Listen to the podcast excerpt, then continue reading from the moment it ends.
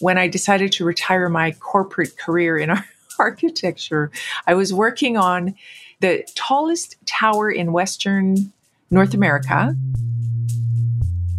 That's Wanda Dalla Costa. I am a member of the Saddle Lake Cree Nation in northern Alberta, Canada. She's also the first First Nations woman to become an architect in Canada. And after half a decade of success designing skyscrapers, she grew tired of working on huge buildings. I found that connection with the people of the place and their ideas and knowledges connected to that place were missing when we do big mm. buildings. Hmm. And what instead was guiding that large 76 story tower was economics. That was right. the only value and metric that was being used.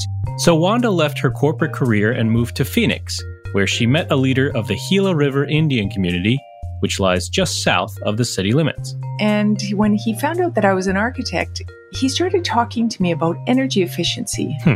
straight off. What was our first conversation? Can you help us make our buildings more energy efficient? You know, they have thousands of people that live in that community, and the cost of cooling those homes for yeah. Arizona's hot summers, which can last four to six months, is quite considerable. But for Wanda, the Gila community's energy efficient buildings were about more than saving people money.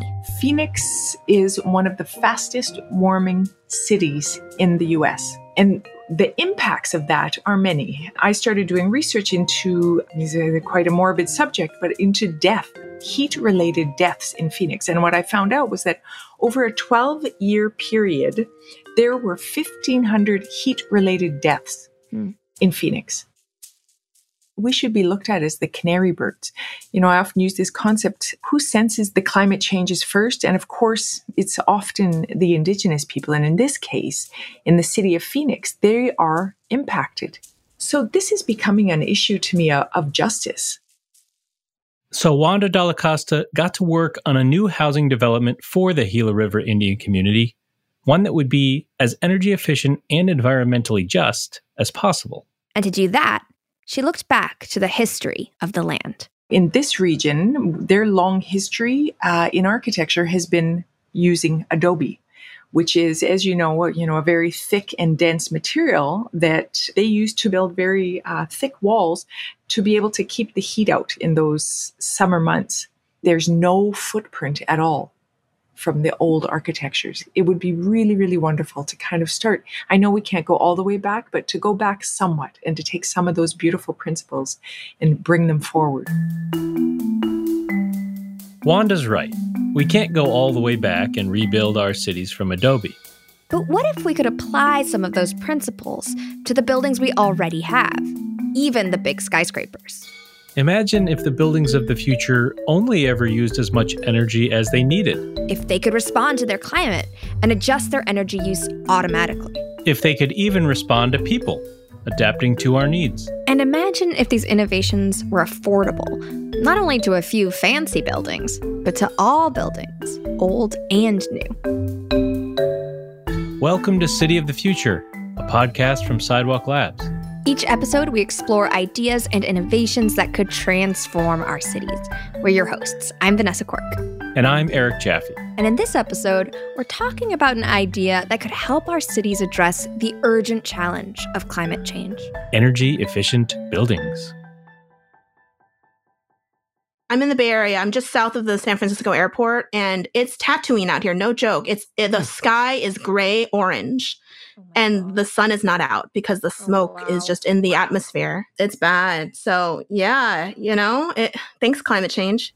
That's Kimi Narita, a sustainable buildings expert at the Natural Resources Defense Council. We spoke to her in September on a day when the debris from the California forest fires was blocking out the sun and leaving an orange cast over the entire sky. A pretty foreboding symbol of how urgent this situation really is. Kimi told us why buildings are so important for cities responding to climate change. Buildings generate nearly 40% of annual global greenhouse gas emissions. So, anyone serious about tackling climate change has to tackle our existing building stock. And that's because buildings stay around for generations. The building stock we have right now, about half of it was built more than 40 years ago. Hmm. And we have to think about how to improve all of the buildings that we have in order to reduce our carbon emissions significantly. Across the US, dozens of cities are tackling the issue of energy intensive buildings through new regulations. St. Louis, for example, recently passed regulations that target existing big buildings in the city. Simply creating a new building leads to carbon emissions. So, if we are able to retrofit older buildings that usually is less carbon intensive than creating a new building altogether. St. Louis isn't the only Midwestern city making huge strides in building sustainability. Kimi is also impressed with Columbus, Ohio in Columbus, Ohio, this year, the city recently passed what's called a benchmarking and transparency policy. This is actually a foundational policy. Basically, the city is requiring large buildings to track and report their energy use year over year because we actually don't know how our buildings are doing hmm. nationwide. And this is in contrast to cars. You know, cars have a mile per gallon rating. Every single car, you know, in broad strokes, like how they're hmm. doing compared to other cars.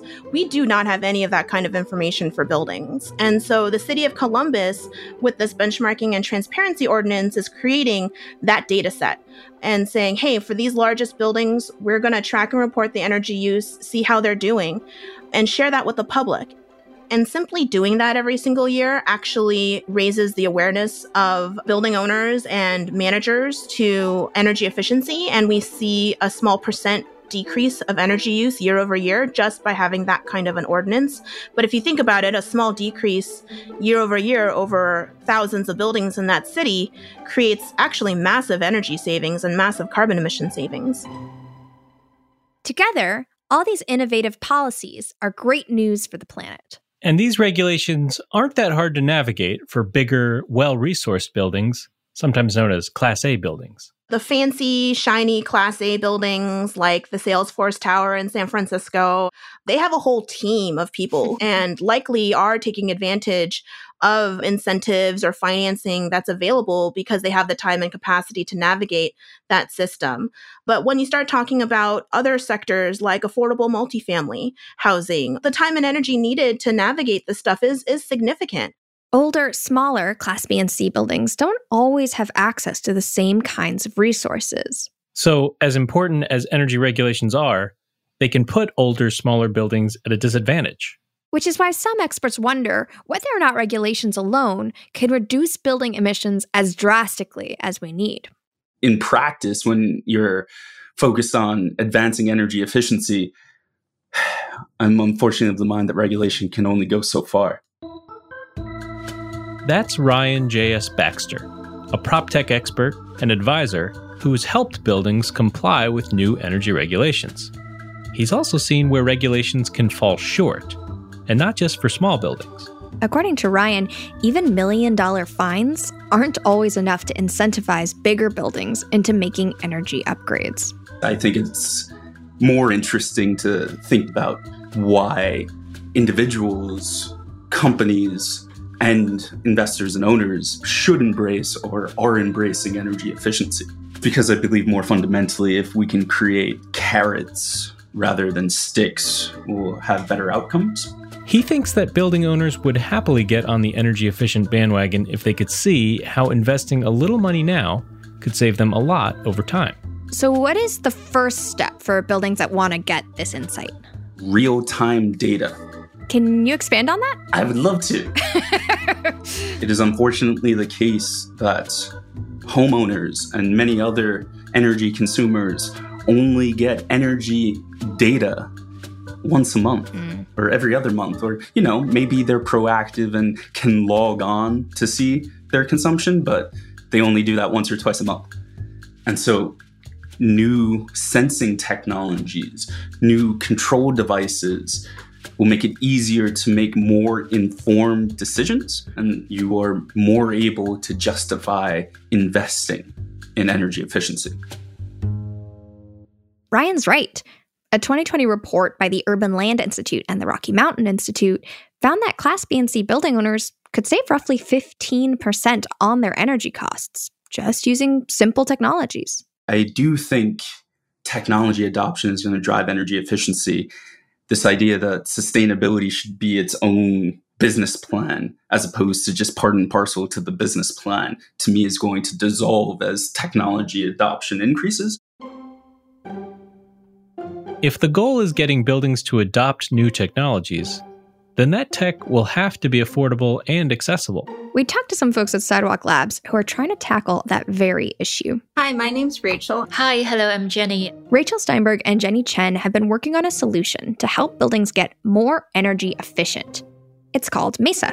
So, Mesa is an energy optimization or energy savings kit, and it comes with a mix of sensors and smart devices that enable more granular data to be collected about a space, non identifiable. So, this is only information about what's happening within that space. Okay, so no information about you or me in the space, right? Just things like electricity use, temperature. Yeah, exactly. Mesa takes all these inputs, optimizes for the most energy efficient results, and makes adjustments automatically.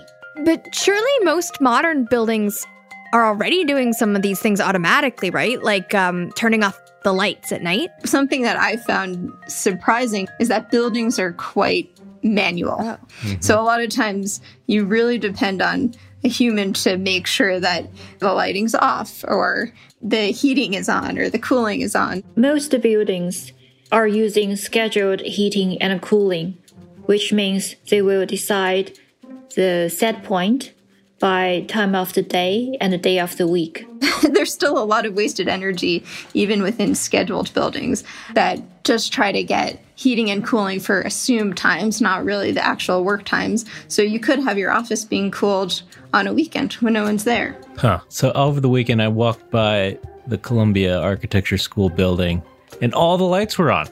Nobody's there. Nobody's even allowed to go in there. Yeah. All the lights were on. And I was just thinking, this is obviously timed or scheduled and it's supposed to come on because it's you know during normal quote unquote normal library hours but it doesn't understand that things have changed. There's nobody here but it could. The irony too that it's an architecture school. How about that? You'd think that they'd be the ones that were on the on the vanguard of automating their building there. Yeah but i think that gets to the point that like this is really hard to do. Jenny and rachel have been focused on making it easy which is why Mesa is pretty simple to install. Each piece is very much like plug it in, stick it on the wall, and you're ready to go. Once building owners know more about energy use in their building, they can make better informed decisions about which energy efficient upgrades are right for them. When they have options to invest in like an installation or better like window or more efficient HVAC system, they will have better ground to make their decisions. This cuts energy waste and helps buildings comply with new energy regulations. And then, even beyond the measuring piece, it's hard to manually adjust energy use constantly.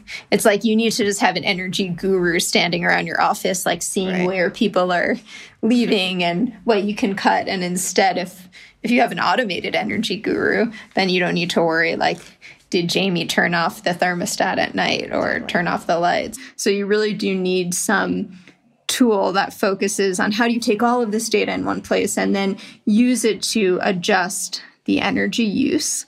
This is a tool that will just take care of it. And that's part of why we're mainly focused on under resourced, understaffed buildings that probably don't have someone staring at a building management system all day right. and optimizing it and tweaking things. So it really is supposed to be an aid to supercharge or superpower some of the existing understaffed buildings. Mesa helps building owners automate things like heating and cooling, so energy is only being used when it's actually needed.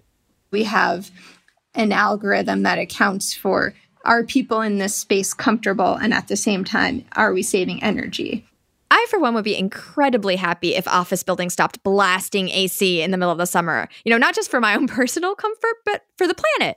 And I know a lot of us at Sidewalk Labs, including myself, uh, would be very interested to see how much energy we use in the office and, and how to mitigate it. And Rachel told us about a new kind of lease you can try when you have real time energy data. They're called green leases. Green leases end up adding components into the lease that align incentives for both the landlord and the tenant to care about energy use, to add transparency into what energy is being used, and share in being able to cut that energy use. So building owners get lower operating costs, tenants get lower energy costs. It's a win win.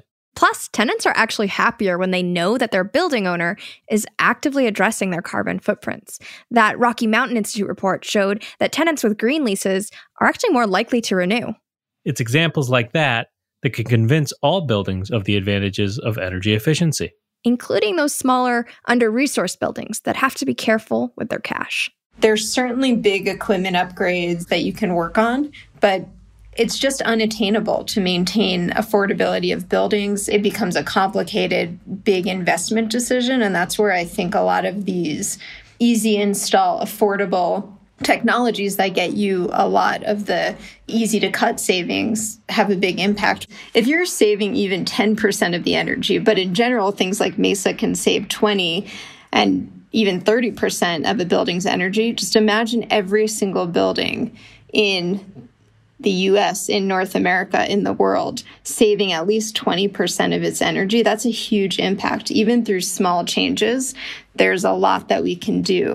Kimi Narita, the NRDC buildings expert we heard from earlier, agrees that we need every building in every city to start doing their part because we're running out of time. We basically need to get to net zero carbon by 2050. We basically have one generation to do this whatever solutions that we do, we have to do them at a massive scale and we have to fundamentally rethink how we use our buildings because we basically have 30 years to change everything. But considering the scale and the urgency, Kimi believes we won't be able to get there through either new technologies or new regulations. We need both. Carrots are great. Incentive programs are wonderful, but we need the regulations as well to encourage more funding available for building owners and other stakeholders to be able to make investments in their buildings and drive down their energy use. Team carrots and sticks. But if cities continue the momentum that they've started with these new laws, if buildings use real time data to make more informed decisions and invest in energy efficiency, and if affordable technologies make all buildings energy efficient, then we might be able to build toward the more sustainable and just future we need. So I would love, Kimi, to hear what is your ideal, I assume sustainable, future for cities everywhere? And, and what are the buildings like in these beautiful future sustainable cities? The future that I see is one where there's clean air, clean water, everyone lives in really great, healthy buildings, regardless of race or income status. And so to me, it's about justice. The city of the future is a just city where energy efficiency in buildings is not something that is just enjoyed by those of us who live in quote unquote nice buildings, but all buildings are nice. Ugh. I love that. Yeah, me too. That's great. That's I want that city too. I don't care what they look like. Give me justice.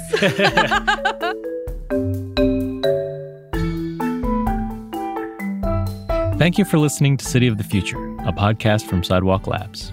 Your hosts are Vanessa Quirk and me, Eric Jaffe. We are produced by Benjamin Walker and Andrew Calloway. Mixed by Zach McNees. Special thanks for this episode go to Wanda Dalla Costa, Kimi Narita, Ryan J.S. Baxter, Jenny Chen, and Rachel Steinberg. Our art is by the great Tim Cow. Our music is composed by Adam James Levine Arity. If you want to hear more of Adam's work, you can check out his band, Lost Amsterdam, at amsterdamlost.com. To learn more about Sidewalk Labs, visit our website at sidewalklabs.com, where you can subscribe to our newsletter at the bottom of the page. And you can also follow us on Instagram at City of the Future Pod. See you in the future. Bye.